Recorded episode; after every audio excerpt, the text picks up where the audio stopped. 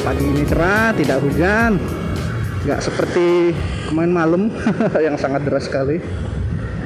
Halo semuanya, kembali lagi dengan gua Santoso dalam podcast Baru Niat Karena segala sesuatu dimulai dari niat Di episode ke-15 dari motor Pagi ini cerah karena sebelum sebelumnya di hari yang sebelumnya kemarin itu hujannya deras sekali mulai dari jam 3 sore sampai jam setengah sembilan tuh masih masih deras itu jalan buset tuh jalan sampai banjir.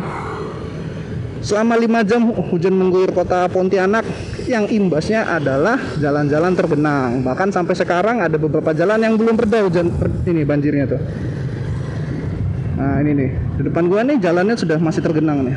Aduh, kebayang kemarin gua dari kantor menuju kosan itu harus melewati jalan-jalan yang nggak yang jarang gue lewati, cuman supaya mencari jalan yang yang kira-kira tinggi lah gitu kan.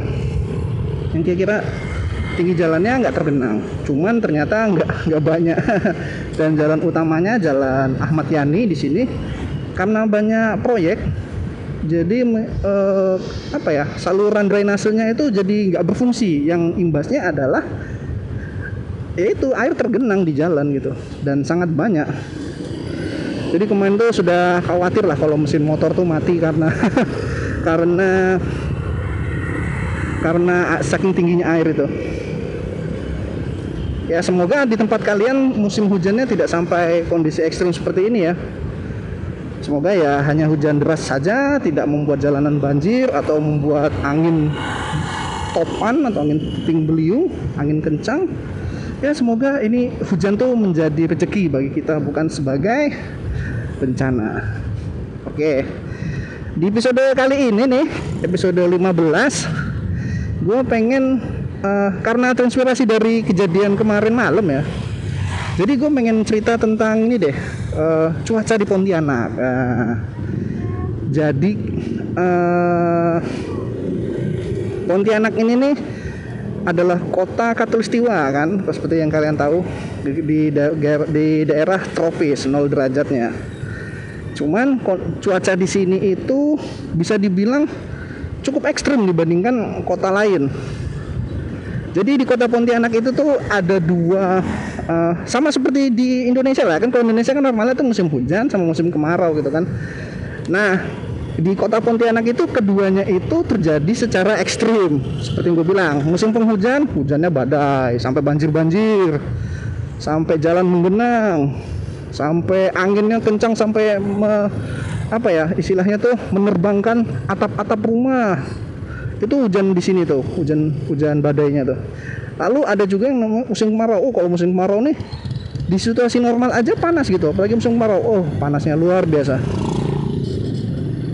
wah ini tukang sampah sedang membersihkan sampah-sampah di selokan untuk membantu pergerakan air supaya tidak tersumbat. Ya good luck kepada bapak-bapak yang bekerja.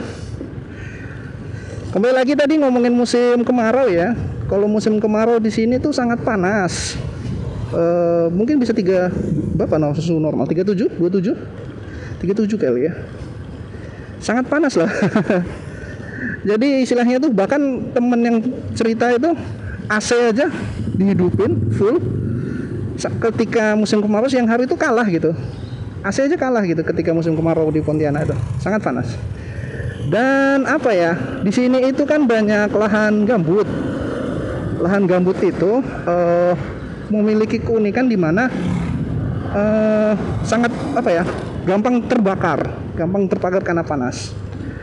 Nah jadi kalau musim kemarau di sini itu bakalan bakalan banyak kabut asap karena banyak lahan yang terbakar.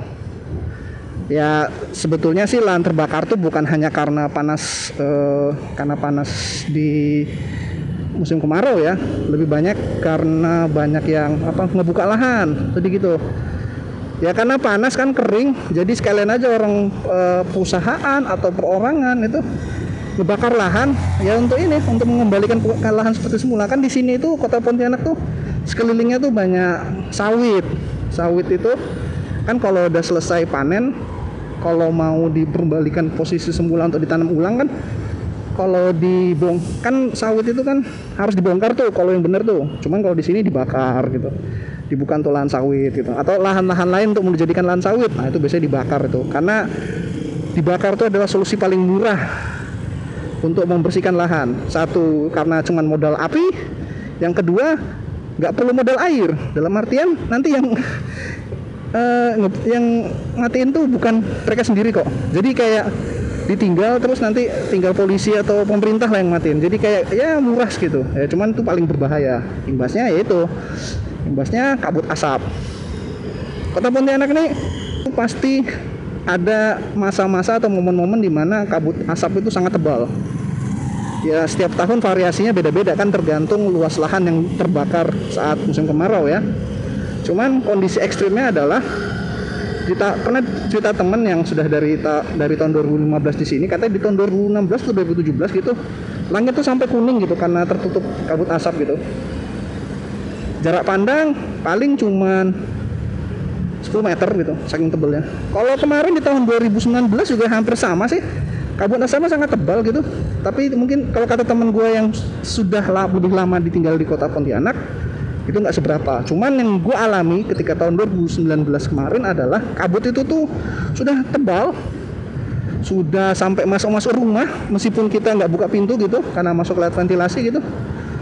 Uh, baunya yang luar biasa tidak enak kan bau asap oh, bau asap kabut bau asap itu. Jarak pandang ya sekitar 20 meter gitu. Wah itu udah sangat tidak menyenangkan lah itu ketika saat itu. Alhamdulillahnya ya sisi baik bukan kita meng coba mengambil sisi baik atau kelebihan yang terjadi ketika di tahun 2020 masa pandemi ini adalah oh, jumlah orang-orang yang membakar lahan juga sedikit gitu. Sepertinya uh, satu karena perusahaan sudah nggak ada duit untuk membiayai pembukaan lahan. Yang kedua uh, ya orang lebih memilih untuk menyelamatkan diri sendiri dari pandemi dibandingkan uh, ngebakar lahan. Mungkin gitu.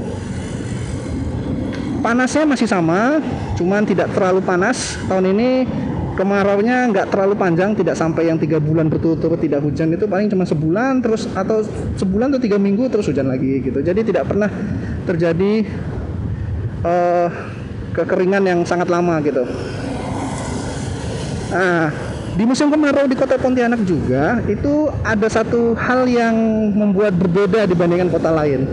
Kalau di kota kota biasa gitu ya maksudnya di kota-kota lain mungkin kalau musim kemarau tuh ya paling cuman uh, penderitaannya adalah suhu yang sangat panas. Atau mungkin di kota yang ada sama kasus yang kota Pontianak kabut kabut asap kan karena banyak yang membakaran kalau di sini tambah lagi ada yang namanya uh, apa ya desalinasi air alias airnya jadi asin air PDAM sini nih. Gimana? Jadi gini ceritanya tuh. Kan ketika musim kemarau tuh kan di sini kan kita semuanya mayoritas pakai PDAM ya. Pertama itu dulu deh gue jelasin. Air minum di sini atau air mandi kita di sini eh, jarang ada yang pakai sumur bor. Di sini lebih banyak menggunakan PDAM PDAM kan ngambilnya dari sungai. Ketika musim kemarau eh, sungai itu kan menyusut surut kan surut. Karena ya karena eh, curah air hujan yang untuk ngisi airnya kan sedikit kan gitu. Surut wajar kan. Cuman yang di sini karena kota Pontianak ini adalah kota muara ketika sungai itu turun imbasnya adalah air laut masuk ke muara. Jadi kayak mengisi kekeringannya si sungai itu. Air air laut masuk dan juga sampai ke sungai di tempat uh, uh, PDAM menyedot air PD, PDAM menyedot air untuk ini untuk yang disalurkan ke masyarakat. Kecampur dengan air laut jadi payau kan? Nah itu kadar garamnya naik. Jadi kalau sudah musim kemarau air sini itu jadinya asin. Sudah asin agak gimana ya? Agak lengket gitu loh. Jadi pernah coba mandi pakai air air garam belum sih Nah kalau belum pernah gue bayang, uh, eh, gue ceritain deh, gue ilustrasikan. Kalau lu tuh kalau mandi tuh nggak berbusa sabun tuh, sabun itu harus makainya dua kali atau tiga kali lah gitu, baru berbusa. Biasanya kan ya air dikasih sabun berbusa langsung. Kalau ini nggak dengan dengan jumlah yang sama, sabun itu nggak berbusa. Sampo juga sama, sampo itu nggak berbusa. jadi mandi itu uh, ya kayak kayak kayak cuman ngebilas aja gitu kan. Kayak nggak bersih gitu mandi itu terus ini uh, uh, rasa asinnya itu loh. Belum pernah kan rasanya uh, keramas terus kan nggak sengat kan biasa lah ya air kan ketika kita basuh kita gayung siram air ke kepala sebagian ada yang lewat ya hampir ke bibir terus kecap dicap di lidah gitu kan. Rasanya asin gitu. Bener-bener kerasa asin loh jadi kayak mandi air kuah kalau dibilang ini. Kayak air kuah kayak kuah sayur bening gitu. Aduh aduh sampai ada ada joknya itu kalau bikin sayur sayur bayam tuh nggak usah ngasih garam lagi lah. Cukup air pada m sama bayam. Udah gitu aja cukup. Gila asin. Nah itu tergantung dari lamanya nggak hujan gitu. Semakin lama nggak hujan, semakin banyak air laut yang masuk, semakin tinggi kadar garam di air PDAM kami. Itulah di kota Pontianak mungkin di kota-kota lain yang juga muara dan juga musim kemarau mungkin sama tapi ya itu baru kali inilah gue merasakan uh, air PDAM itu asin gitu. Kalau dulu di kota Palu sama sebetulnya kan juga di garis katulistiwa tuh kota Palu tuh. Kami di sana tidak pakai PDAM melainkan pakai sumur bor sumur bor jadi pompa pompa dari tanah langsung di sana kondisinya lebih berbeda. Di sana bukan yang dikhawatirkan bukan bukan asin, tapi air kapur. Karena itu pegunungan kapur, banyak bukit-bukit kapur, airnya juga ada kadar kapurnya sang, e, cukup tinggi gitu. Jadi tidak sangat sangat tidak disarankan untuk memasak. Kami harus beli air isi ulang untuk bisa masak ya untuk masak air sekalipun masak indomie gitu nggak bisa gue pernah nyoba masak indomie pakai air uh, air air tanah gitu yang, yang mengandung kapur ibasnya adalah pancinya tuh ada kayak semacam putih-putih pengendapan kapur gitu loh Ih, ngeri lah. Semenjak itu gue nggak mau lagi masak mie pakai itu. Bahaya pak, karena kapur itu kalau masuk ke dalam tubuh terakumulasi jadi batu ginjal nanti bisa kan? Berbahaya itu. Nah kembali lagi ke musim kemarau di kota Pontianak. Ya seperti itu udah panas kabut airnya garam wah luar biasa lah. Kalian mungkin uh, harus nyoba lah sesekali merasakan itu. Cuman kan ini ya uh, imbas dari kabut asap itu adalah penerbangan jadi terganggu gitu. Karena jarak pandang pesawat kan sekali lagi kan. Bahkan temen gue pernah ada yang uh, pesawatnya itu dibatalkan terus ditunda penerbangannya sampai satu hari kemudian gitu. Diinepin terpaksa gitu. Wah itu kasihan sekali itu pokoknya susah lah ketika musim kemarau ini. Ya untungnya tahun 2020 ini tidak terjadi demikian dan di Desember ini sudah masuk secara default harusnya masuk musim musim hujan ya. Uh, buktinya aja kemarin malam hujan 5 jam gitu kan sampai banjir-banjir. Ya aspek uh, curah hujan yang lebih tinggi lah kalau menurut gua.